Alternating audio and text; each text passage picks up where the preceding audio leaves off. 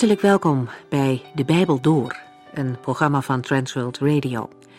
De Bijbel Door is een radioserie die u in vijf jaar meeneemt door de hele Bijbel. Van Genesis 1 tot Openbaring 22.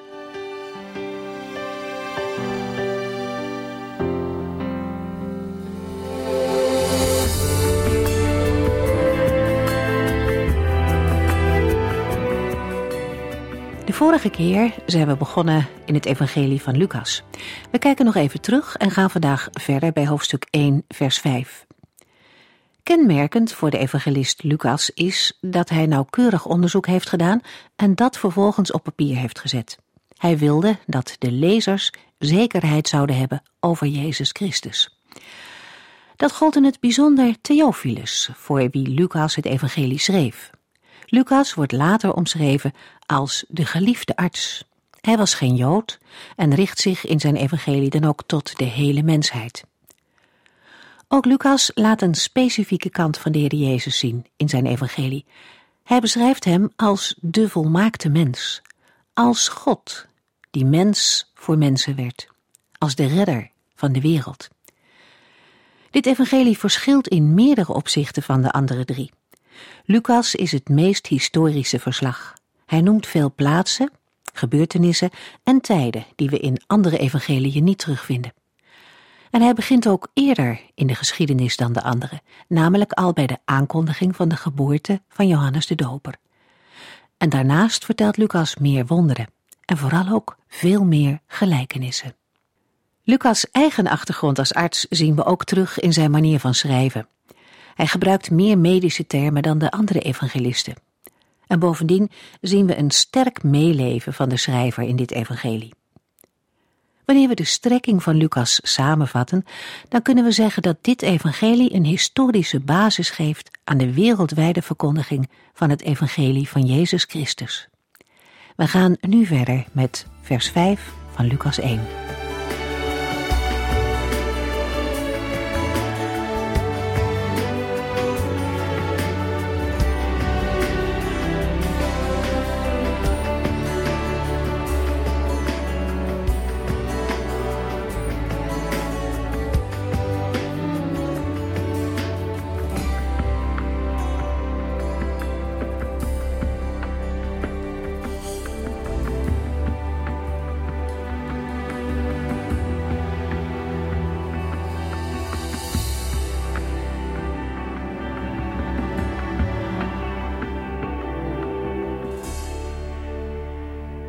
Na de indrukwekkende proloog in de eerste vier versen van Lucas 1 begint Lucas met een schriftelijke weergave van zijn bevindingen. Het valt op dat er al in de tijd van Lucas dringende behoefte bestond aan nauwkeurige informatie over Jezus Christus. Handelingen 20. In het voorwoord heeft Lucas de norm gesteld voor zijn onderzoek. Hij beroept zich op de oudste overleveringen over de persoon en het werk van Jezus van Nazareth, de eerste leerlingen en andere ooggetuigen. Hoewel Lucas wel ooggetuige was van het voortgezette werk van Jezus door de Heilige Geest, rekent hij zich tot degene die de informatie over het leven van Jezus via overlevering kennen. De blijde boodschap werd doorgegeven door hen die van het begin af aan ooggetuigen en dienaren van het woord geworden waren. In Handelingen 1, vers 21 wordt in het kader van een vervanger voor Judas gezegd: Het moet iemand zijn die al de tijd dat Jezus onder ons leefde erbij geweest is. Het zijn de eerste leerlingen en andere ooggetuigen uit vers 2. Trouwens, het is een dubbele omschrijving van één en dezelfde groep mensen. In eerste instantie zijn de eerste leerlingen de twaalf apostelen, waarbij Judas door Matthias vervangen werd. Maar uit het voorwoord is ook duidelijk dat de groep ruimer is. Lucas maakt een geordend verslag. Hoewel het in grote lijnen een chronologische volgorde is, wijkt Lucas er om thematische redenen soms van af. Eerst vergewist Lucas zich nauwkeurig van de gebeurtenissen. Dat is geen literatuuronderzoek, maar gaat over het onderzoeken van de feiten. In grondigheid van zijn onderzoek verschilt Lucas van zijn voorgangers. Hij gaat terug tot aan de aankondiging van de geboorte van Johannes de Doper. Het is goed om te zien dat de leiding en inspiratie van de Heilige Geest hier tot stand komt langs de weg van moeizaam, nauwgezet en veelomvattend onderzoek. Lucas 1, vers 5. Mijn verhaal begint bij de Joodse priester Zacharias. Die leefde in de tijd dat Herodes koning van Judea was. Hij behoorde tot de priesterafdeling van Abia. Zijn vrouw Elisabeth kwam net als hij zelf uit het priestergeslacht van Aaron. Lucas begint met het beschrijven van de aankondiging van de geboorte van Johannes. Zijn weergave staat vol toespelingen op het Oude Testament. Herodes de Grote regeerde als koning over Judea, wat hier een Romeinse provincie is. Vooral in zijn laatste regeringsjaren was Herodes door wreedheid en moordlust berucht, zelfs ten opzichte van zijn eigen familieleden. Van keizer Augustus is de uitspraak dat het veiliger was om een varken van Herodes te zijn dan een zoon. En dan de tegenstelling. Naast de bekende, of zo u wilt, de beruchte koning, was er in die dagen een Joodse priester. Hij heette Zacharias. Zijn naam betekent de Heere gedenkt. Hij kwam uit de priesterafdeling van Abia. Dat is naar 1 Kronieken 24 de achtste afdeling van de 24 weekafdelingen die dienst deden in de tempel. Een weekafdeling viel weer uiteen in vier tot negen families die elk een dagafdeling vormden. Elke afdeling kwam twee keer per jaar aan de beurt. Ook Elisabeth, de vrouw van Zacharias, stamde uit het priesterlijk geslacht. Nadruk ligt op de dubbele priesterlijke afkomst van Johannes de Doper. Lucas 1, vers 6. Zacharias en Elisabeth waren goede mensen die zich stipt aan Gods wetten hielden. Zacharias en Elisabeth leefden van binnenuit naar Gods geboden. Het staat in een schril contrast van wat we in de evangeliën over het uiterlijk vertoon en de vroomheid van de fariseeën lezen. Zacharias en zijn vrouw hoorden eerder bij de gelovige rest van Israël, die dicht bij de Heer leefde, en de vertroosting van Israël, dat wil zeggen, de Messias verwachtte. Lucas 1, vers 7. Ze hadden geen kinderen, Elisabeth onvruchtbaar was. Op het moment dat dit verhaal begint, waren ze allebei al erg oud. Ondanks hun vrome levenswandel waren ze kinderloos, wat een groot verdriet betekende. Kinderen krijgen werd gezien als een van de zegeningen in verband met de gehoorzaamheid aan de Heere. Kinderloosheid daarentegen gold als een straf op de zonde, Leviticus 20, en was een schande voor een getrouwde vrouw. Lucas wijst ook bij Elisabeth de oorzaak van de kinderloosheid aan. Niet een zondige levenswandel, maar ze hadden geen kinderen omdat Elisabeth onvruchtbaar was. Bovendien waren ze beide op hoge leeftijd gekomen. Deze beide zaken, onvruchtbaarheid en ouderdom, doet des te meer het ingrijpen van de Heere uitkomen. Lucas 1, vers 8 tot en met 12. Op een dag had Zacharias dienst in de tempel, omdat zijn afdeling aan de beurt was. Er werd altijd om gelood wie het heiligdom van God zou binnengaan om wierook te branden. Deze keer was het lot op Zacharias gevallen.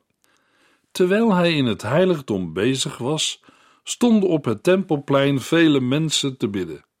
Plotseling zag Zacharias een engel van de Heere staan, rechts van het altaar waarop de wierook werd gebrand. Hij wist niet wat hem overkwam en werd bang. Zacharias diende bij het gouden reukofferaltaar, de plaats van gebed. Het was de tijd van het avondoffer en Zacharias moest wierook op het reukofferaltaar branden. Plotseling verschijnt een engel van de Heere. De engel komt niet zomaar op een willekeurig moment tot Zacharias, maar juist tijdens een van de twee keer per jaar dat zijn dagafdeling dienst doet in de tempel te Jeruzalem. De Heere gaat te werk volgens een door hem vastgesteld plan en schakelt daarbij mensen in. Lucas 1, vers 13. De engel zei: Wees niet bang, Zacharias. Ik ben gekomen om u te vertellen dat God uw gebed heeft verhoord. Uw vrouw Elisabeth zal een zoon krijgen en u moet hem Johannes noemen. Hoewel normaal gesproken de naamgeving van kinderen de taak van de vader was, moet Zacharias zijn zoon een door God gekozen naam geven. Het zal een kind van bijzondere genade zijn en met een bijzondere taak. Een dergelijke naamgeving betekent dat het kind een speciale rol zal spelen in het heilsplan van God. Zacharias moet zijn zoon Johannes noemen. Dat betekent God is genadig. Lucas 1, vers 14 en 15. Hij zal u en vele andere mensen heel erg blij maken. Uw zoon zal een groot man zijn in de ogen van de Heere. Hij mag geen druppel wijn of sterke drank drinken. Al voor zijn geboorte zal hij vol zijn van de Heilige Geest. In plaats van met wijn en sterke drank zal Johannes van de moederschoot af aan vol zijn van de Heilige Geest. Zijn leven zal doordrongen zijn van Gods genade. Steeds wordt in het geboorteverhaal de activiteit van de Heilige Geest benadrukt, net als in de rest van het Evangelie. Daarin ligt de verklaring van de grote invloed die Johannes de Doper op zijn omgeving uitoefende. Lucas 1, vers 16 en 17.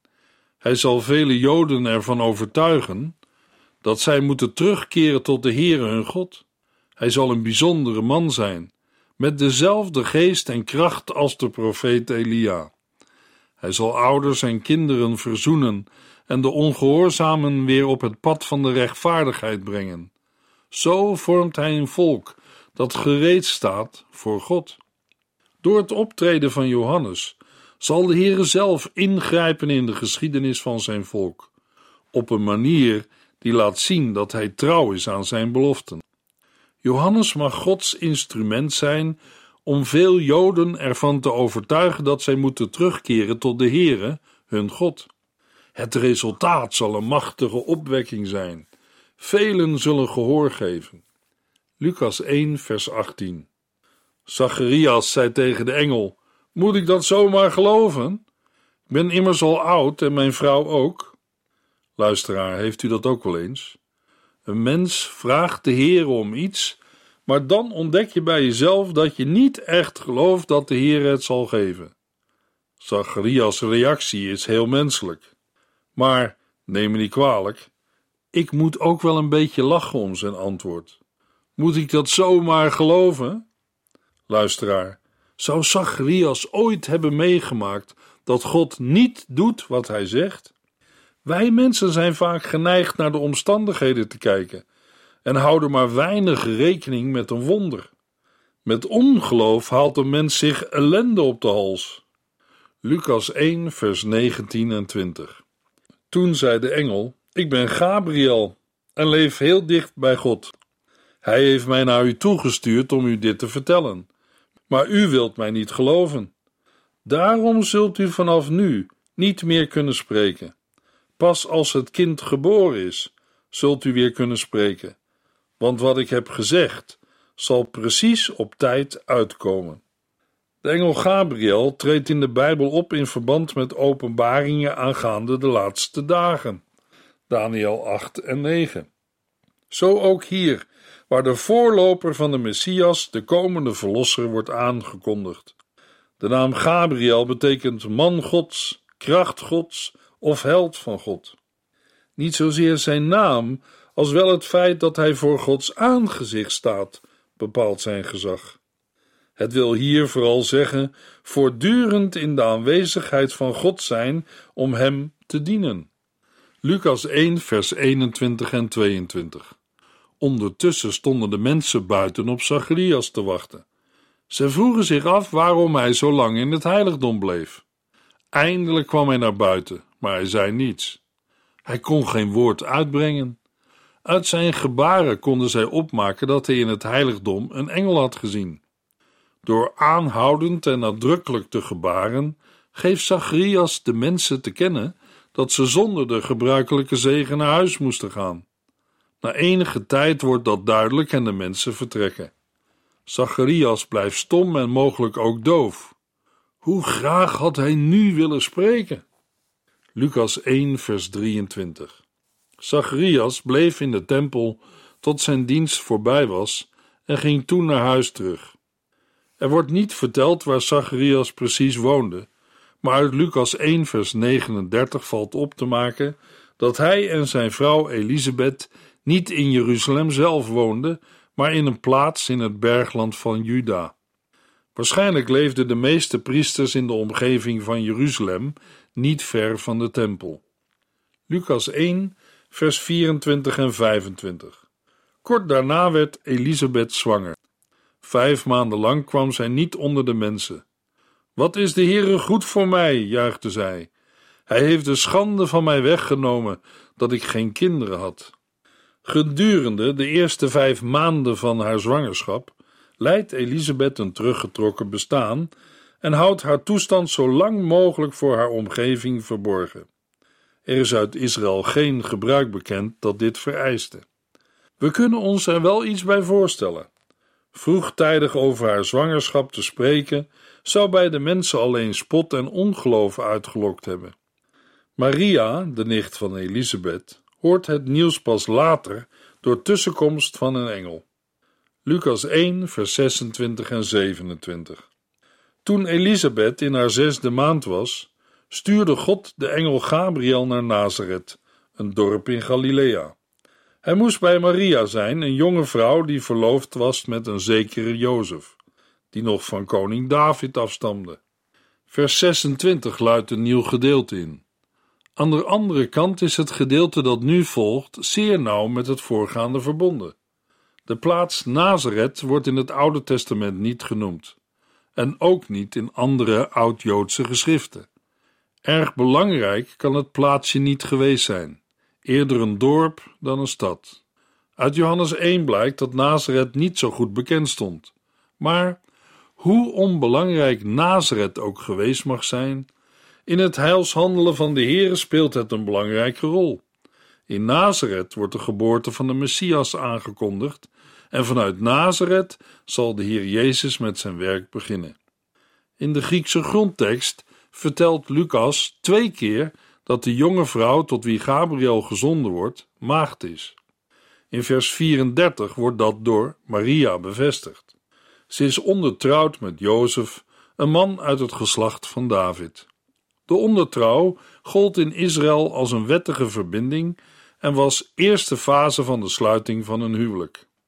De tweede fase bestond uit de officiële huwelijkssluiting en het grote feest, waarna de echtgenoten bij elkaar gingen wonen.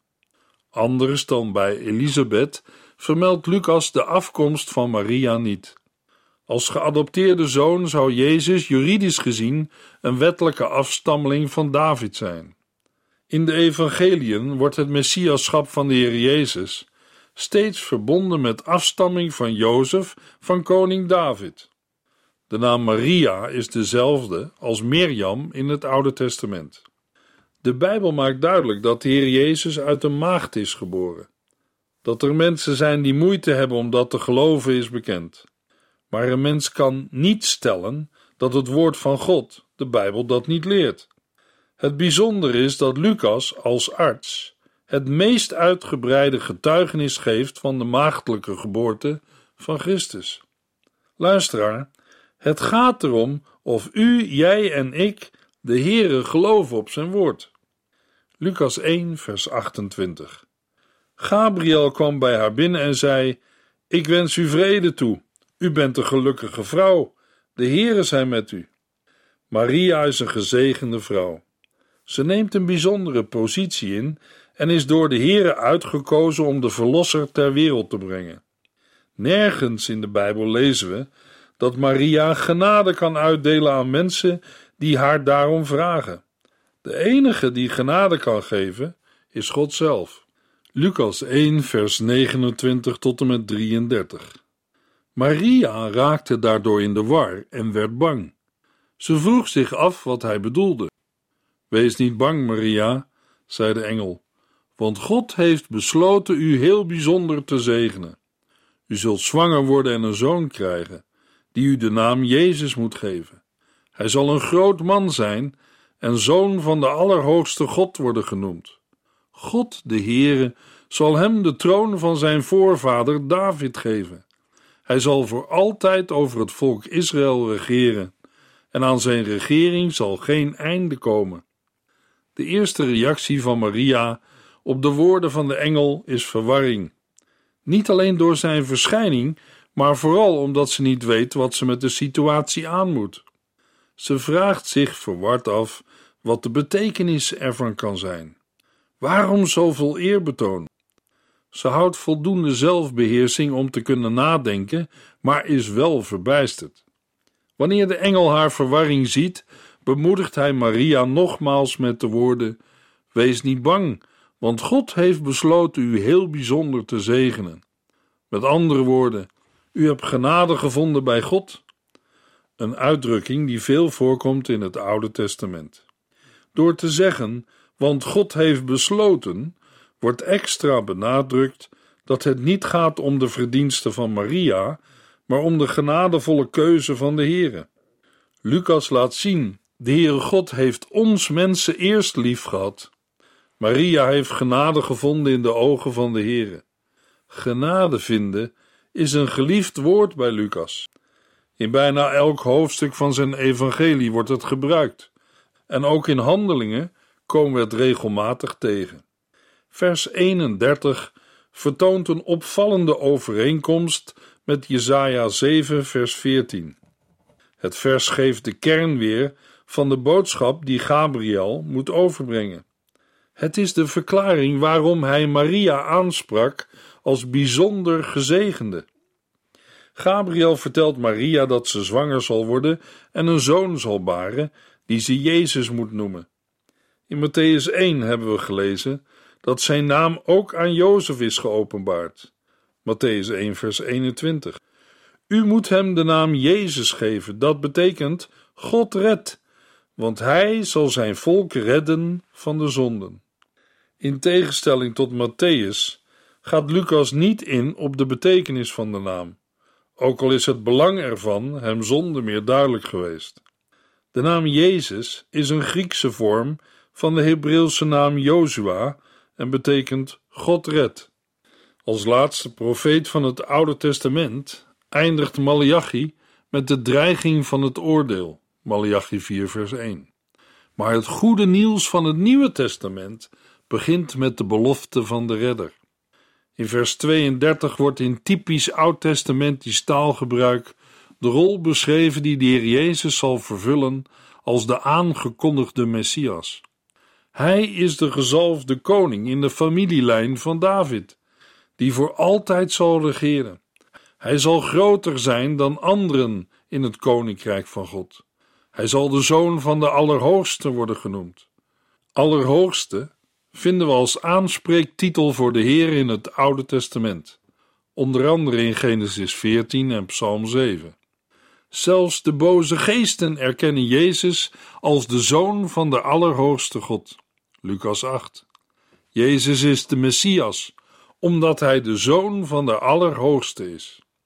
Vanaf de tijd dat David het koninkrijk van Israël verenigde, was er altijd de belofte geweest dat de Heere door het huis van David zou regeren.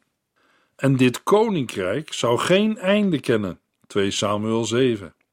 Jezus Christus, de zoon van David, kwam om deze belofte van een eeuwig koningschap te vervullen. Hij zal voor altijd als koning regeren over het huis van Jacob, de oud-testamentische naam voor het volk Israël. De belofte van een eeuwigdurend koningschap horen we bij de profeten van het Oude Testament, onder andere bij Jesaja, Daniel en Micha.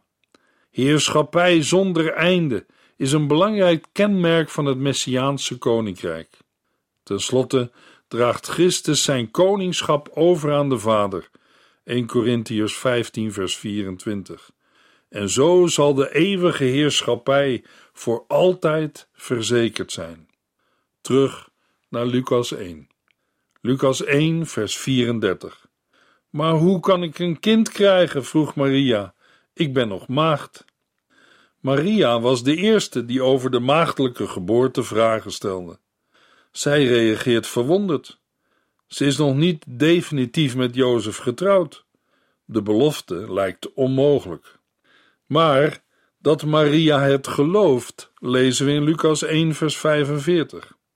Ze heeft haar hart en geest opengesteld voor de Heer, want bij Hem is niets onmogelijk. Het enige is, zij begrijpt niet hoe dit alles gaat gebeuren. Daarom vraagt ze: Hoe kan ik een kind krijgen als ik nog maagd ben? Maria vraagt niet om een teken als bewijs, zoals Zacharias deed. Maria vraagt naar het hoe.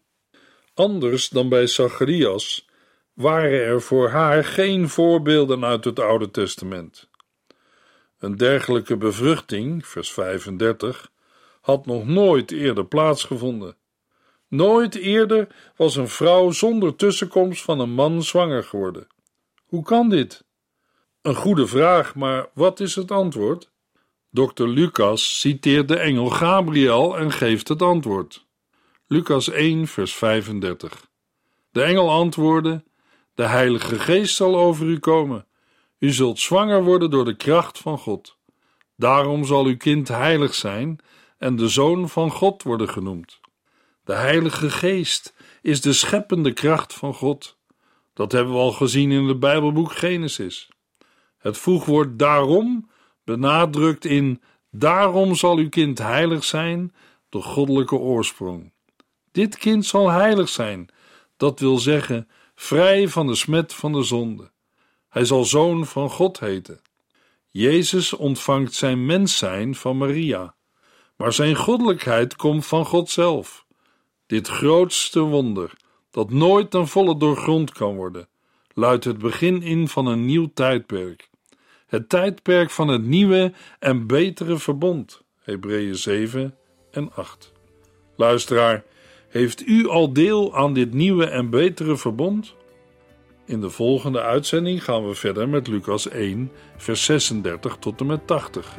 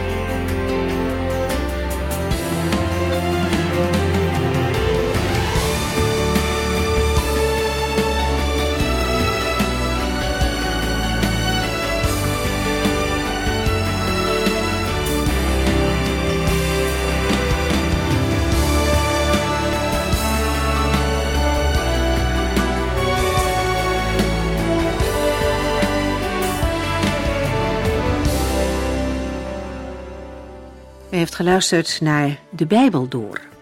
In het Nederlands vertaald en bewerkt door Transworld Radio. Een programma waarin we in vijf jaar tijd de hele Bijbel doorgaan. Als u wilt reageren op deze uitzending of u heeft vragen, dan kunt u contact met ons opnemen. Tijdens kantooruren kunt u bellen op 0342 47 8432. 0342 47 8432. 32. Ook kunt u een e-mail sturen naar de Bijbel door transworldradio.nl en natuurlijk kunt u ook via de post ons bereiken. TWR, postbus 371, postcode 3770, AJ in Barneveld. Dit programma werd gepresenteerd door Cor Weda en Ike André. Techniek was in handen van Odin van Woerdekom. En wij allemaal bedanken u voor het luisteren. Graag tot de volgende keer.